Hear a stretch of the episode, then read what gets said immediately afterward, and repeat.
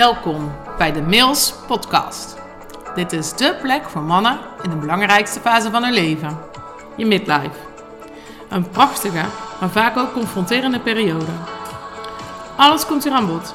We hebben het over je innerlijke groei, de meest elementaire vragen, tot aan een echte midlife crisis.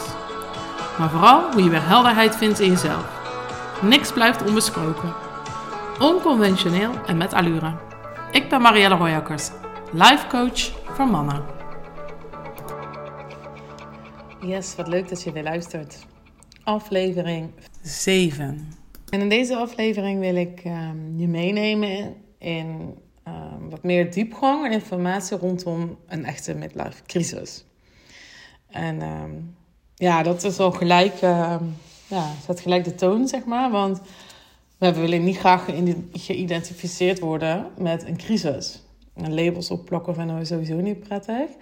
Maar om nu naar jezelf uit te spreken dat je een crisis hebt, ja, dat is natuurlijk nog wel next level. En toch helpt het heel erg het wel te doen. Omdat ik geloof dat alles in het leven vraagt om erkenning. En zolang jij het onder het tapijt blijft vegen, dan zal het alleen maar harder schreeuwen om erkenning om gezien en gehoord te worden. Dus het helpt, in mijn optiek, om eens bij jezelf stil te staan en te kijken en te vragen: waar heb ik nu behoefte aan? En ja, ga ik misschien wel door die crisis heen? En dan zijn er natuurlijk crisissen in verschillende gradaties. Hè? Ehm, en misschien mag jij het wel gewoon een fase noemen. En misschien zit je wel echt in een diepe crisis. Dus, ja, en wat dan nog, denk ik dan. Toch? Als je het oordeel eraf zou kunnen halen en gewoon naar jezelf kijkt waar jij nu staat en waar jij behoefte aan hebt. Ja, dan mag je er het label op plakken wat je wil natuurlijk. Maar het helpt wel echt om het erkenning te geven. En ja, die, die gradaties, nou, die, die kunnen alle kanten op gaan. Ik wil straks ook uh, wel wat feitjes met je delen. Maar het gaat er vooral over dat je dus het oordeel van jezelf eraf gaat halen. En jezelf gaat gunnen om dat te onderzoeken wat je nu ervaart. En ja, dat kan als rusteloosheid ervaren. Um, misschien heb je ja, wel last van fysieke klachten ook. Dat je slecht slaapt of... Uh, wel goed slaapt, maar toch heel moe bent. Dat je weinig energie hebt of minder energie dan je gewend bent. En wat we vaak wel doen dan zijn uh, pleisters plakken of aan de buitenkant aan de gang gaan. En daarmee bedoel ik dan ehm, ehm, bijvoorbeeld dat je meer gaat sporten of gezonder gaat eten. Uh, misschien ga je wel naar de fysiotherapeut. Heb je shakes die je doet, een speciaal dieet, ben je gestopt met roken. Dan ga je dus aan, aan de buitenkant, natuurlijk rook zit ook aan de binnenkant, maar ga je ja, pleisters plakken die vooral fysiek gericht zijn. En dan wil je er aan de buitenkant uh, strak, fit en jong uit blijven zien. En uh, begrijp je niet verkeerd, toch wel ook wat. maar wat ga je doen aan al die vragen die je in je hoofd hebt? Dus waar het veel meer over jou mind gaat en over intrinsieke vervulling, over verlangen, over vragen, over jouw rollen, dat wat je wil. Ja, nou, ik ga even wat feitjes met je delen. Oké, de meeste clichés zijn waar. De top 5 crisisuitingen, maar wel in willekeurige volgorde. 1. Of nou ja, de eerste. Is je motorrijbewijs halen. Ja, check. Herkenbaar. Heb ik ook gedaan. Een tatoeage nemen. Check. Uh, die sportauto kopen. En dit vind ik wel een hele mooie. En heel veel van mijn klanten die, uh, die ervaren dat ook. En die willen heel graag een Porsche. Een Porsche is toch een jongensdroom. Dat wat jij uh, heel graag wilt. En de vraag komt nu gewoon dichterbij. Je kunt het bijna aanraken, dat verlangen. Ga ik mezelf dit gunnen? Ga ik mezelf nu die sportauto gunnen? Want financieel kan je het, kan je het waarschijnlijk wel bekostigen. En je moet toch een auto rijden. ja, ga je over het veroordeel heen, hè, wat, wat andere mensen dan wellicht op je kunnen hebben. Ga je jezelf dit echt gunnen? Dat het heel hard gewerkt voor je geld. Ja. En je baard laten staan of laten groeien, of je haar laten groeien. Dus kiezen voor een compleet andere uiterlijk. En misschien ben je wel gevallen voor de jongere vriendin. Kunnen. Oké. Dan ervaart 1 op de 5 mannen in de midlife ook een relatiecrisis. En daar heb ik laatst ook een post over geschreven. Want die hele midlife gaat eigenlijk over een loyaliteitscrisis of een vrijheidscrisis. Waarbij crisis dus, ja, dat kan jij de betekenis geven die je het wil geven. Dat kan met alles in het leven. Jij laat het met een betekenis die voor jou van toepassing is. Maar die projecteer je ook op je omgeving. Terwijl dat dus per definitie niet waar is. Maar goed, een relatiecrisis. Dat komt voort uit het feit dat jij je hele leven gedaan hebt wat hoort. En dat gaat van kinds af aan. Hè? We gaan gewoon mee in een systeem waarin we naar school gaan. We gaan van de ene school naar de andere school, naar de volgende school. En dan kom je uiteindelijk, krijg je uh, verkering, een relatie, kinderen, trouwen, nou, een hele riedel. Ja, je maakt promoties door, misschien heb je het bedrijf overgenomen hè, van je ouders, ben je daar eerst in meegegroeid. Um, zijn je ouders misschien al wel te komen te overlijden en run jij het bedrijf nu zelf. Um, ja, dat zijn, hè, het, het, is gewoon een pad wat voor je uitgestippeld lag, wat je hebt gevolgd omdat het zo hoorde. En dan komt er ineens een moment in je leven, in je midlife, waarbij je gaat kijken, maar wat wil ik nu eigenlijk? En dan gaat het dus over loyaliteit. Want ben jij dan loyaal aan jezelf? Loyaal aan je vrouw? Loyaal aan de relatie? Dat is iets anders. Je bent samen een relatie aangegaan, een verbinding aangegaan. En aan dat systeem kan je dus ook loyaal zijn. Of ben je loyaal aan de angst voor afwijzing? Ben je loyaal aan angst voor het onbekende? Het gaat allemaal over loyaliteit. Waar ligt jouw loyaliteit? En wie of wat ben jij loyaal? En hoe vind je die balans tussen loyaal zijn aan jezelf en aan het systeem?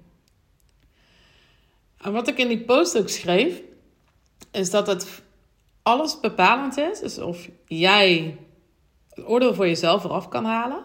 Dus of je naar jezelf kan uitspreken dat je in een loyaliteitsfase of crisis zit. Maar dus ook de tijd en ruimte die je dan voor jezelf inneemt ten aanzien van je omgeving. Dat maakt echt alle verschil. Want dan geloof ik echt dat je dit samen kan gaan verkennen en ontdekken. Ja, of het moet zijn dat je huwelijk al jaren geleden gedoofd is. Goed, ik ben geen relatiecoach. Maar ik geloof wel wanneer jij helemaal jij bent en in verbinding blijft met de ander en de ander helemaal zichzelf laat zijn, ja, dat daar toch echt wel heel veel mogelijk is. Gewoon vanuit compassie, liefde, respect. En als jij met liefde, compassie en respect naar jezelf mag kijken en mag erkennen dat jij nu een andere behoefte hebt, dat je in een fase of in een crisis zit, ja, dan, dan hoeft dus jouw loyaliteitsfase geen relatiecrisis te worden. Oké, wat hebben we dan nog meer? Ja, de vier um, ja, verlangens waar we naar op zoek zijn in onze midlife fase. Nou, op één staat jong voelen. Nou, daar past dan ook mooi dat uh, sportschoolverhaal in. um, ja, je wil je gewoon graag jong blijven voelen. Dus je wil er wat strakker uitzien. Je wil misschien wat hippere kleren. Dus vandaar ook die baard laten staan. Je gaat worstelen met het feit dat er ouderdom om de hoek komt. Ehm, wat je ja, natuurlijk echt niet wil. dus ehm, misschien heb je wel al een tijdje een zere knie.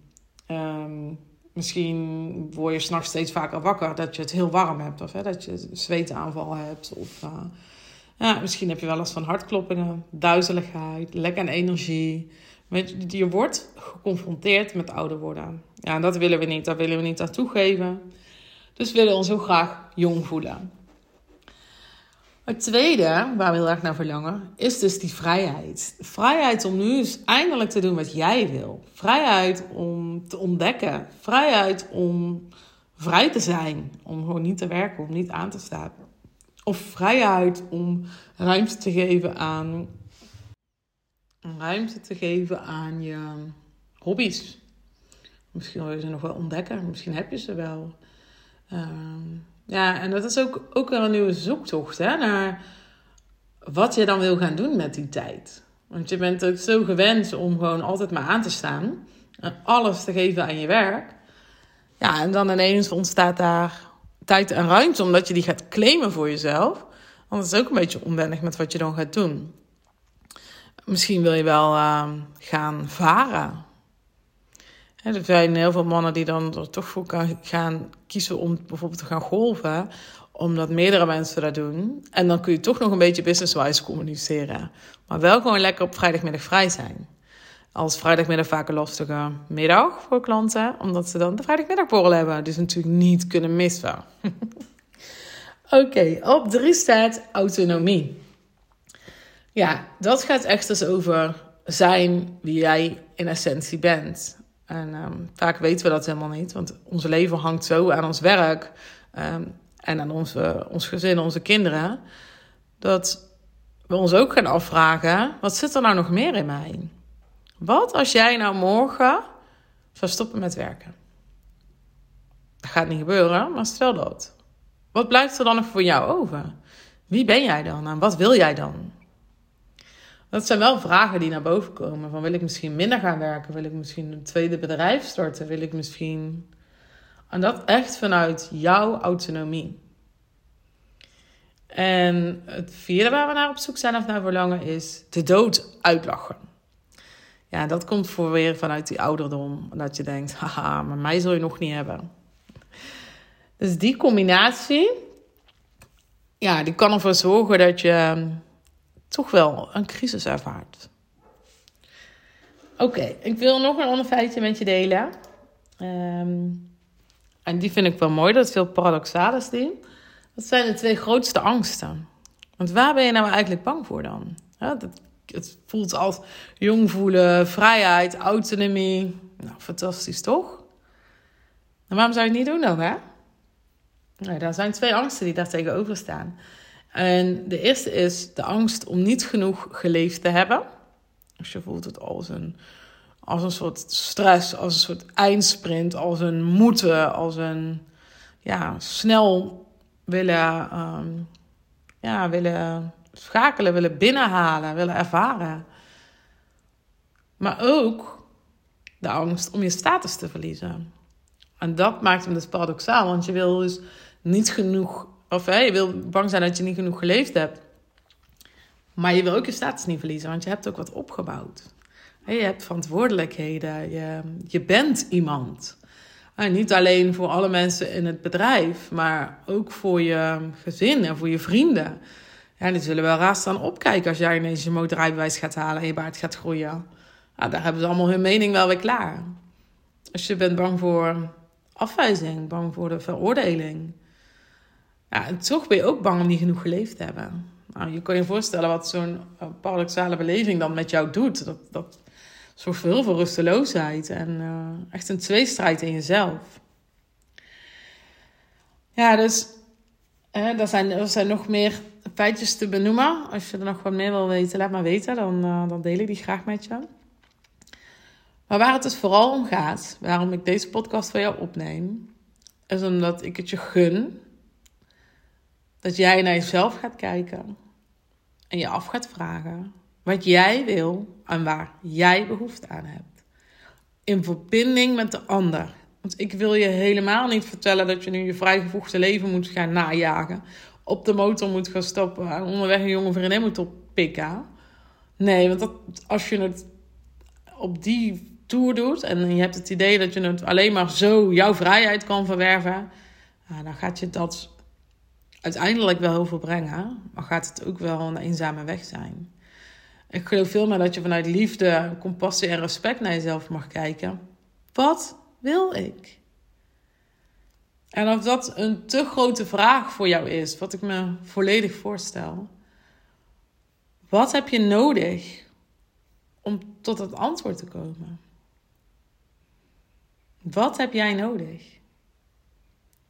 Is het tijd? Is het ruimte? Is het erkenning of herkenning van je omgeving? Is het vrije tijd? Wat heb jij nodig? En probeer dat wel te voelen en te onderzoeken. Ehm, ja, zoek daar uh, begeleiding in. Hè? Gewoon door een coach die jou hele scherpe vragen kan stellen. Dat ik je kan spiegelen. En ja, dat het iemand is die geen oordeel heeft. Zodat je echt ruimte eraan kan geven. Dan ga je er sneller doorheen en gefundeerder. Dan gun ik je echt. Erken het. En kijk bij jezelf waar jij behoefte aan hebt. Nou, ik hoop dat dit um, een inspirerend verhaal voor je was. Uh, ik zou het leuk vinden als je um, uh, met me wilt delen wat het met je doet. Maar vooral um, ja, als je naar me wil uitreiken. Als je behoefte hebt aan een kennismaking of behoefte hebt aan een samenwerking. Ik heb het uh, misschien al wel een paar keer herhaald, maar we gaan eerst met elkaar bellen of ja, bijvoorbeeld zoomen, zodat je elkaar kan zien. Ja, dan kijken we gewoon, waar heb je behoefte aan? Welk verlangen wil jij laten groeien? Waar, waar wil je naar uitkijken? Wat is het leven dat je nu wil gaan leven? Volgens jouw waarde. Het leven kan zo gaaf zijn. Als jij kan genieten, als jij die trots kan stappen, als jij het jezelf gaat gunnen. dan kan jij weer gewoon het roer gaan staan van je eigen leven. De vruchten plukken. Echt gelukkig zijn. Op jouw voorwaarden.